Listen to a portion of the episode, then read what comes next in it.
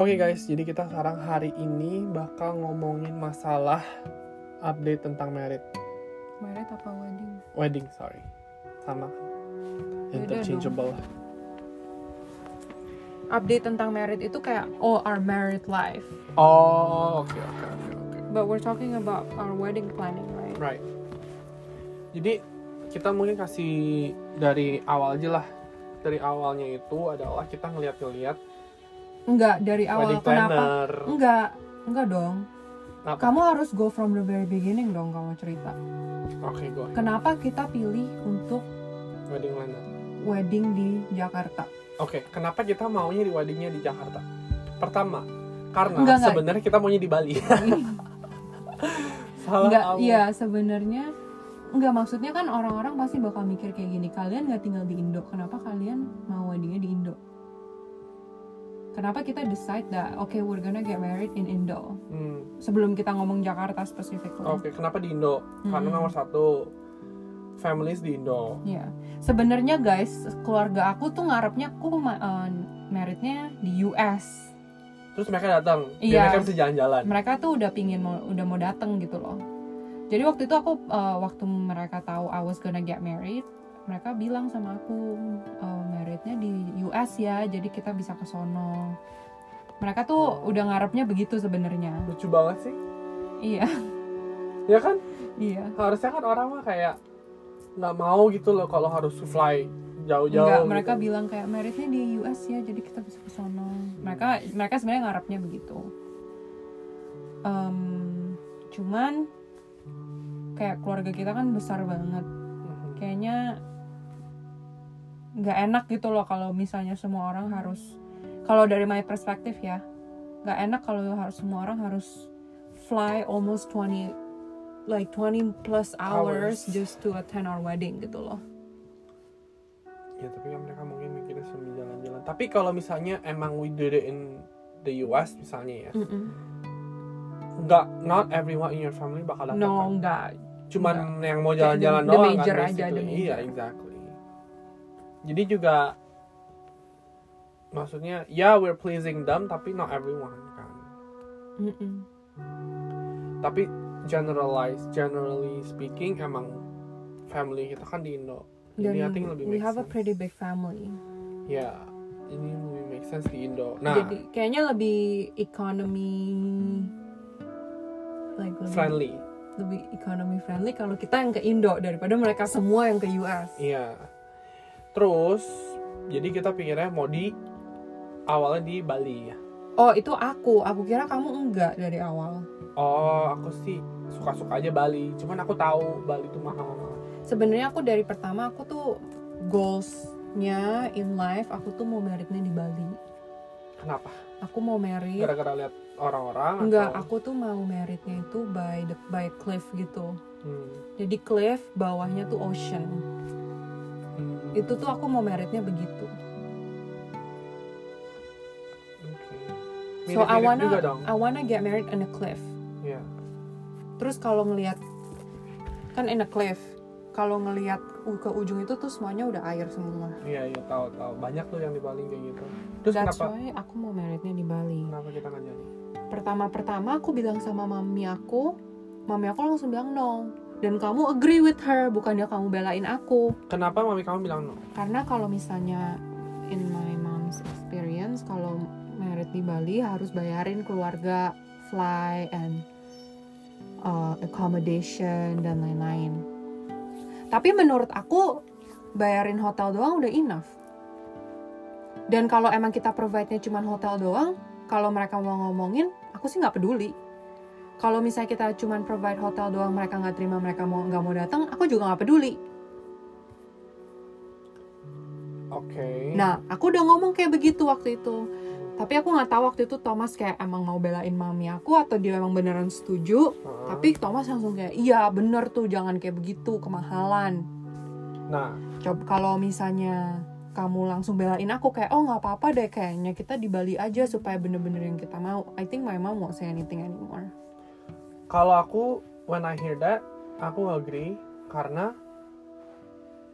reality in reality itu kan kayak we have a budget ya kan Mm-mm. dan the budget itu kan ya from ourselves yang and Iya. we know gitu loh how much Hmm. we not that we want not that we can afford we want to spend aja we know how much dan itu nggak nggak dapat kalau di Bali yang we want loh bukan yang we can afford ya Mm. kan kita memang bilang kayak wedding itu nggak perlu yang sampai begini gini gini kan Iya, tapi menurut aku kalau kita weddingnya di Bali bakal lebih kecil lagi. Paling seratusan orang.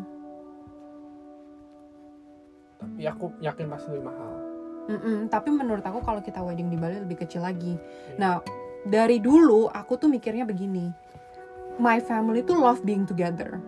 Oke Dan aku tuh udah mikirnya begini, kalau aku nikah di Bali, aku nggak bakal sewain mereka hotel. Aku bakal sewain mereka villa. Udah, satu villa yang gede, satu keluarga. Hmm, Dan they will love that because they love being together. ya gitu loh dan aku tuh aku tuh dari dulu sampai udah bener-bener research villa di Bali yang bisa sampai 10 orang lebih gitu loh dan harganya menurut aku not bad kayak 200 300 per night for 10 people. Hah, iya? Iya. Dua ribu satu villa. 300 dolar. Oh tiga dolar. Per night. Terus aku lihat ada satu villa di Bali yang bener-bener di edge cliff begitu yang bisa buat jadi venue untuk wedding dan ada tempat tinggalnya juga Uh, for you to rent that venue for four days three nights 9000 aku udah mikir aku bisa married di situ 9000 masih bisa aku afford. Itu berapa orang? Kapasitinya untuk weddingnya 150 sampai 200 hmm. jadi nggak usah di hotel nyawa villa aja yang gede untuk jadi venue-nya. Aku waktu itu udah mikir kayak begitu karena aku tahu kalau hotel-hotel di Bali tuh kalau untuk jadi wedding bakal mahal banget. Tapi ya kalau misalnya dari pertama aku ngomong aku belum kasih tahu apa yang aku udah lihat aja udah di shutdown ya aku nggak mau ngomong. Mhm. ya nggak apa maksudnya gini hmm, tapi aku dari pertama mikir aku mau menikah di Bali aku udah tahu aku nggak bakal membayarin mereka terbang.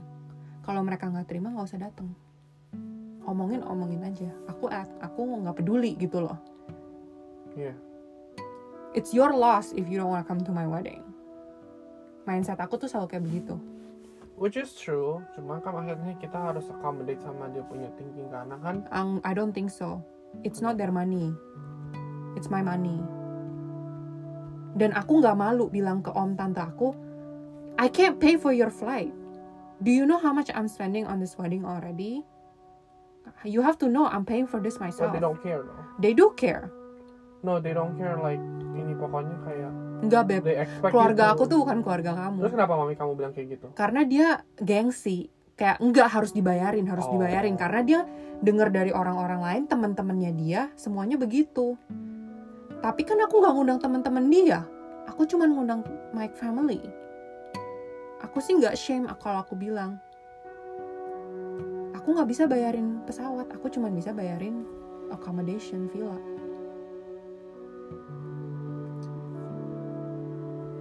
ya gini aja aku mikirnya kalau misalnya our economy sekarang financially speaking Hmm. kayaknya kalau Bali kayak agak over budget. Cuman we can always do like anniversaries. Oh Kalau- enggak aku udah nggak mau bikin aku udah nggak mau bikin party lagi. Kenapa? With family kayak gini af- after experiencing what I've experienced now aku udah gak mau bikin party lagi. Kenapa? No aku udah trauma. Kita we don't even we haven't even started the Iya. wedding ini. Oke. kita udah ngomongin so that's why my dream wedding was out of the question. So then the only way we can stay in budget and have everyone come is to have it in Jakarta. Tapi kayak kamu bilang kayak oh my my dream wedding is out of question. Kayak asif kayak ini. Tapi kan kamu nggak reality check juga kayak how much aku kan udah research. Emang bisa kan tadi aku udah bilang. Aku kan barusan baru bilang aku ketemu satu villa yang bener-bener over the cliff.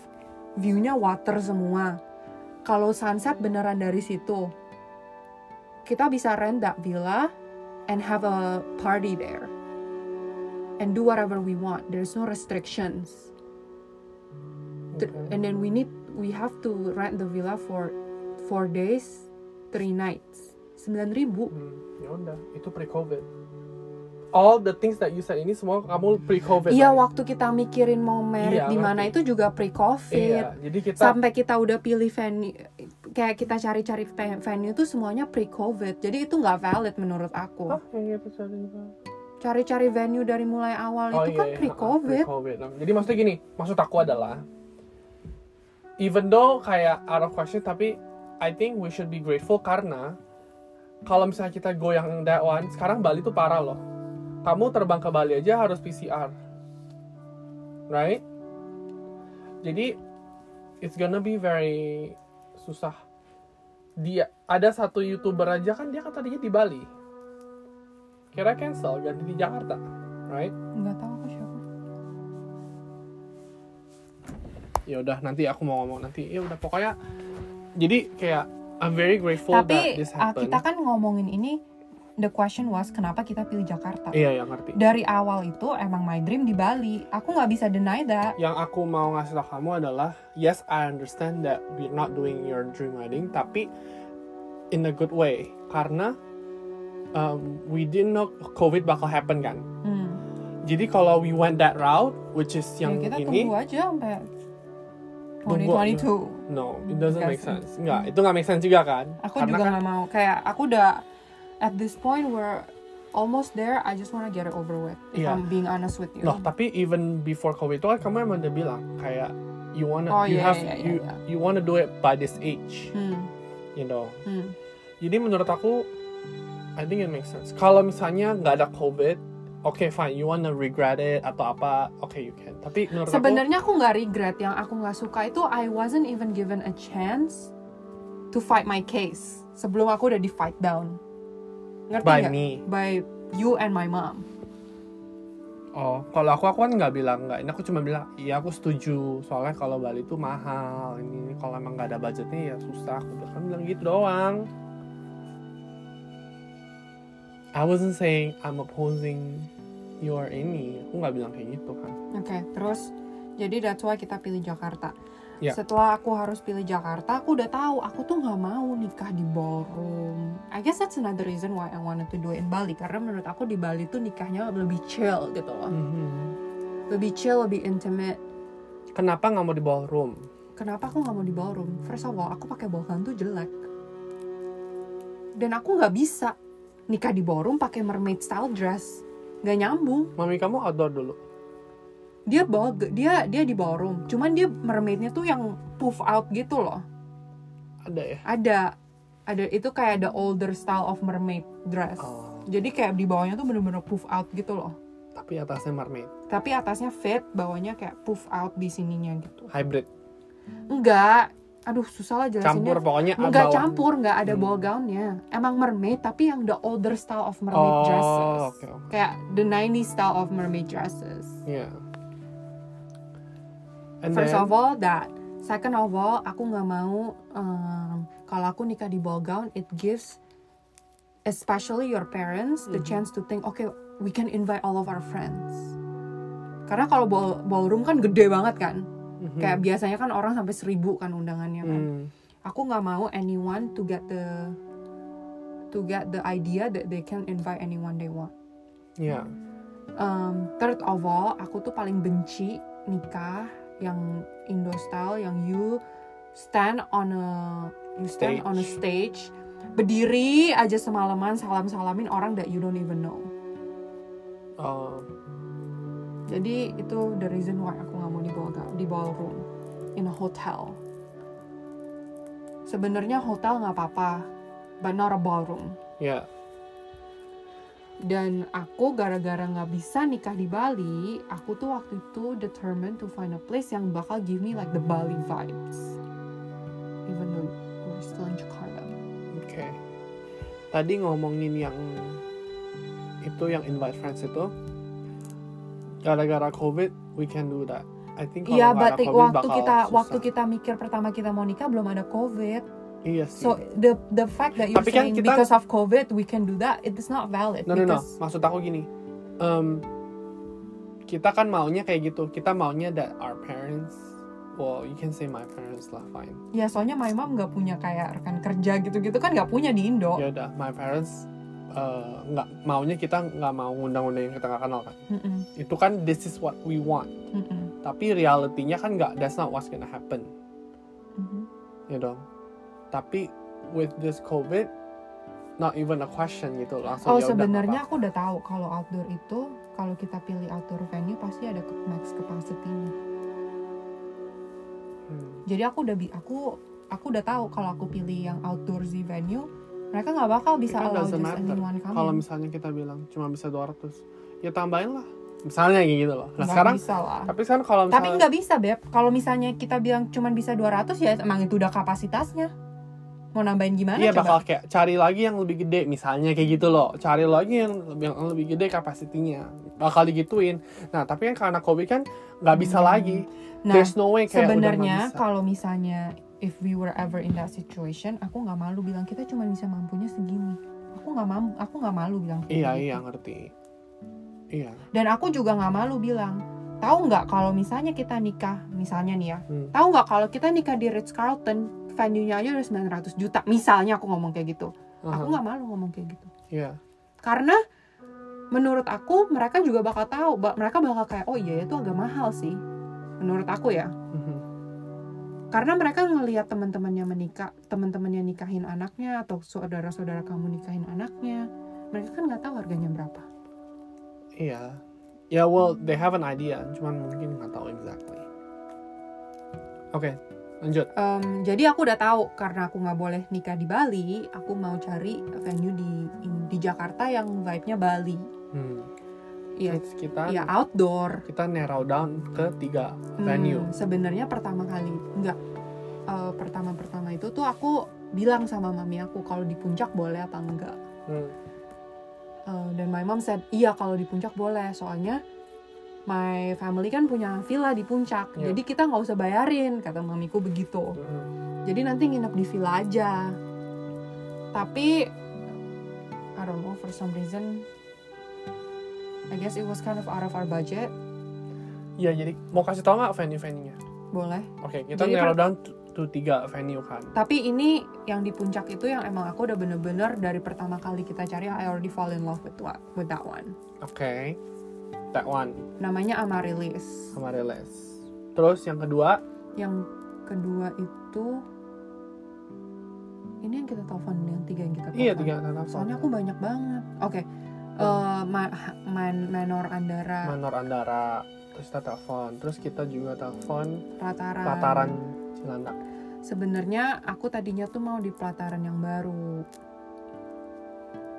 Pelataran hutan kota. Hmm. tapi the specific room that I want to use sa- itu kapasitasnya terlalu rendah Oh iya. kayak cuma 60 orang Iya. jadi yang paling bisa cuma yang pelataran Cilandak Tapi emang tiga-tiganya kan oke kan maksudnya.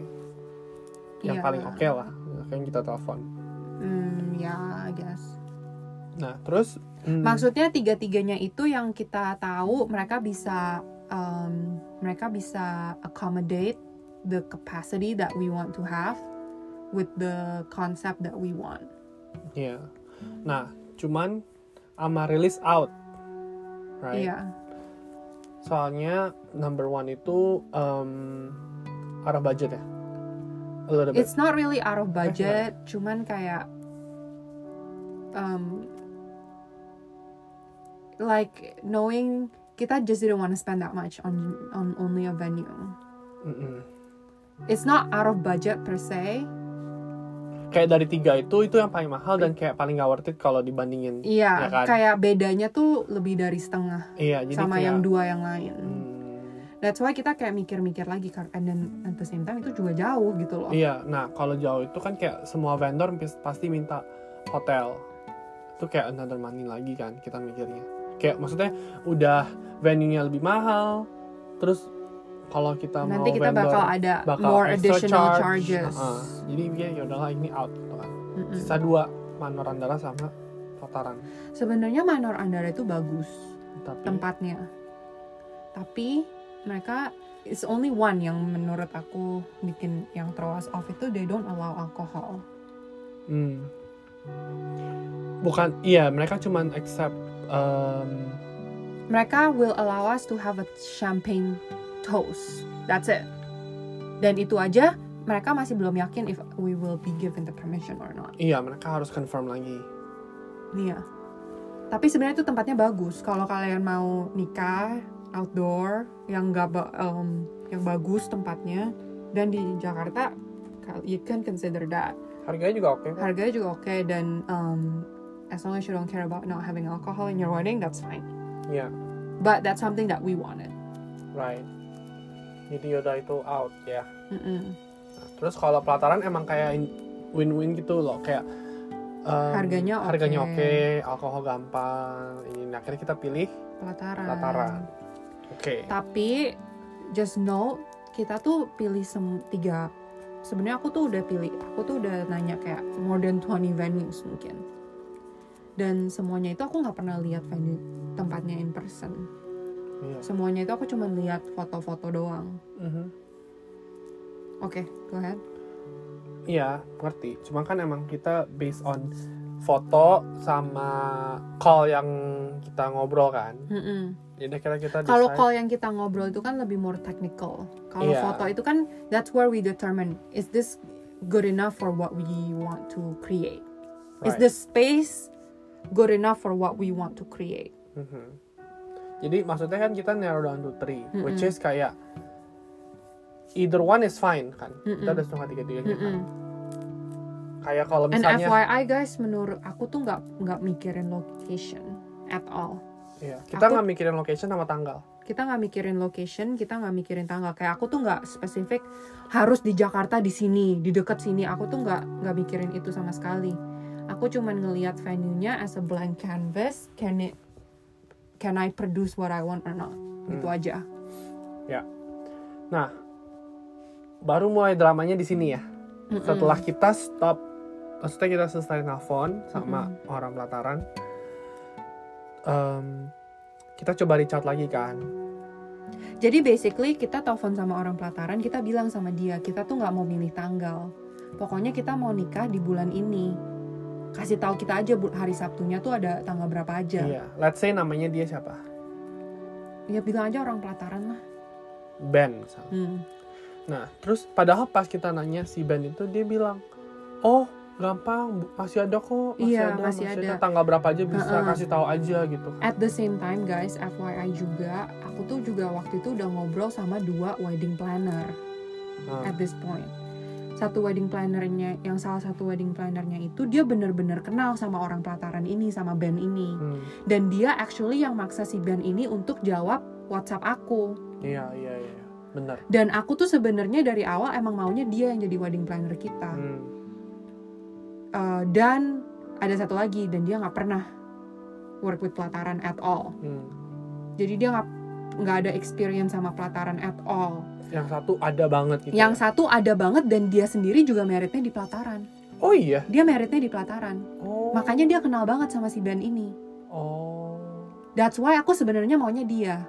Ya cuma. Nah, cuman aku kan bilang, aku nggak peduli tanggal berapa, yang penting aku mau hari Sabtu dan aku maunya di bulan Juni. Hmm. Nggak apa-apa kan kita ngomong? Iya boleh. Dan aku maunya di bulan Juni. Terus pertama di telepon dia bilang, oh gampang, Ada masih, masih, ada. kok, bla bla bla bla bla. Ya udah dong. Em, abis dari telepon itu, aku tak aku waktu di telepon aku udah bilang, tolong confirm confirm sama kasih konfirmasi tanggalnya yang available tanggal berapa aja di bulan Juni.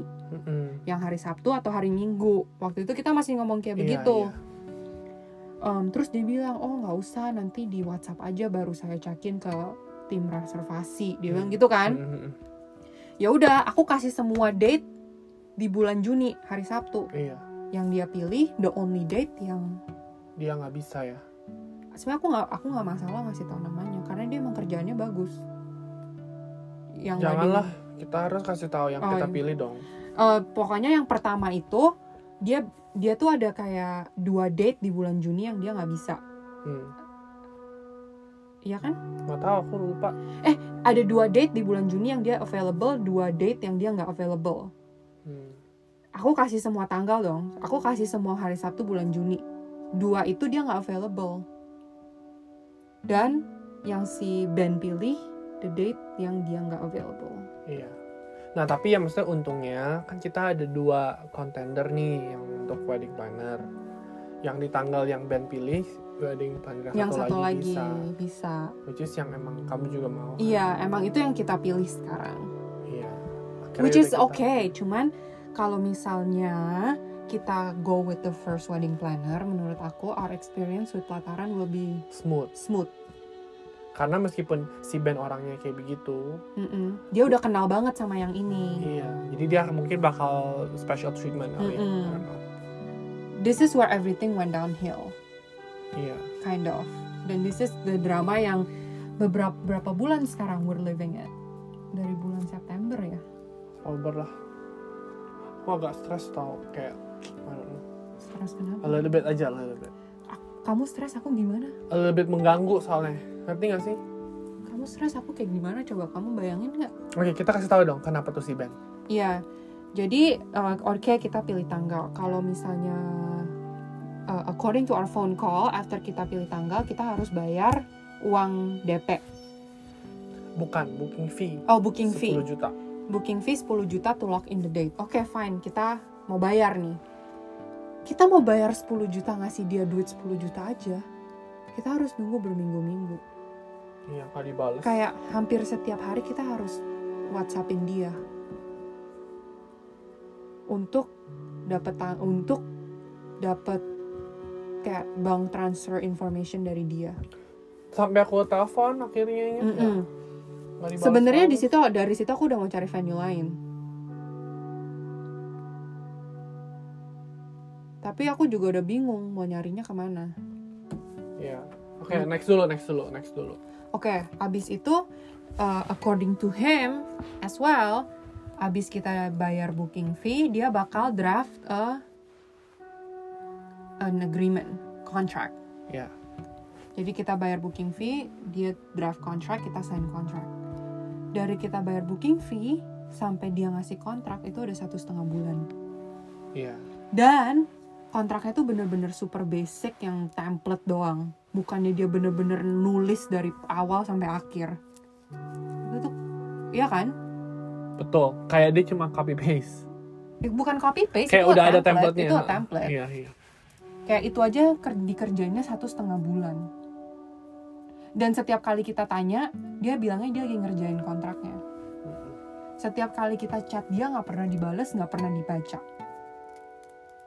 Dan setiap kali kita mau make a decision atau mau make some make a move, at this point our wedding planner have to call him. Mhm. Iya. Sampai one day our wedding planner pernah dia udah telepon, udah ngomong sama si Ben ini di telepon, udah ngomong bla bla bla bla bla. Sehari kemudian dia baru bales chat dari wedding planner kita yang udah dari kayak empat hari yang lalu. Terus wedding planner kita tuh kayak screenshot kirim ke aku, actually it wasn't on the in our group, dia kirim ke aku personally. Terus dia bilang ini orang gila ya. Hmm. Terus aku bilang dia emang kayak begitu, makanya aku stres. Gitu. Ya. Terus um, Nggak cuman ya udah akhirnya akhirnya dibilang. Pas aku telepon itu dibilang oh mas nggak apa-apa tanggal kita udah lock. Mm-mm. terus aku bilang oke kalau gitu yaudah kita bayar aja 10 jutanya biar enak. Masalahnya aku takutnya ya waktu dia ngomong kayak gitu, aku takutnya dia cuma ngomong doang, sebenarnya Iya. nggak di lock. iya.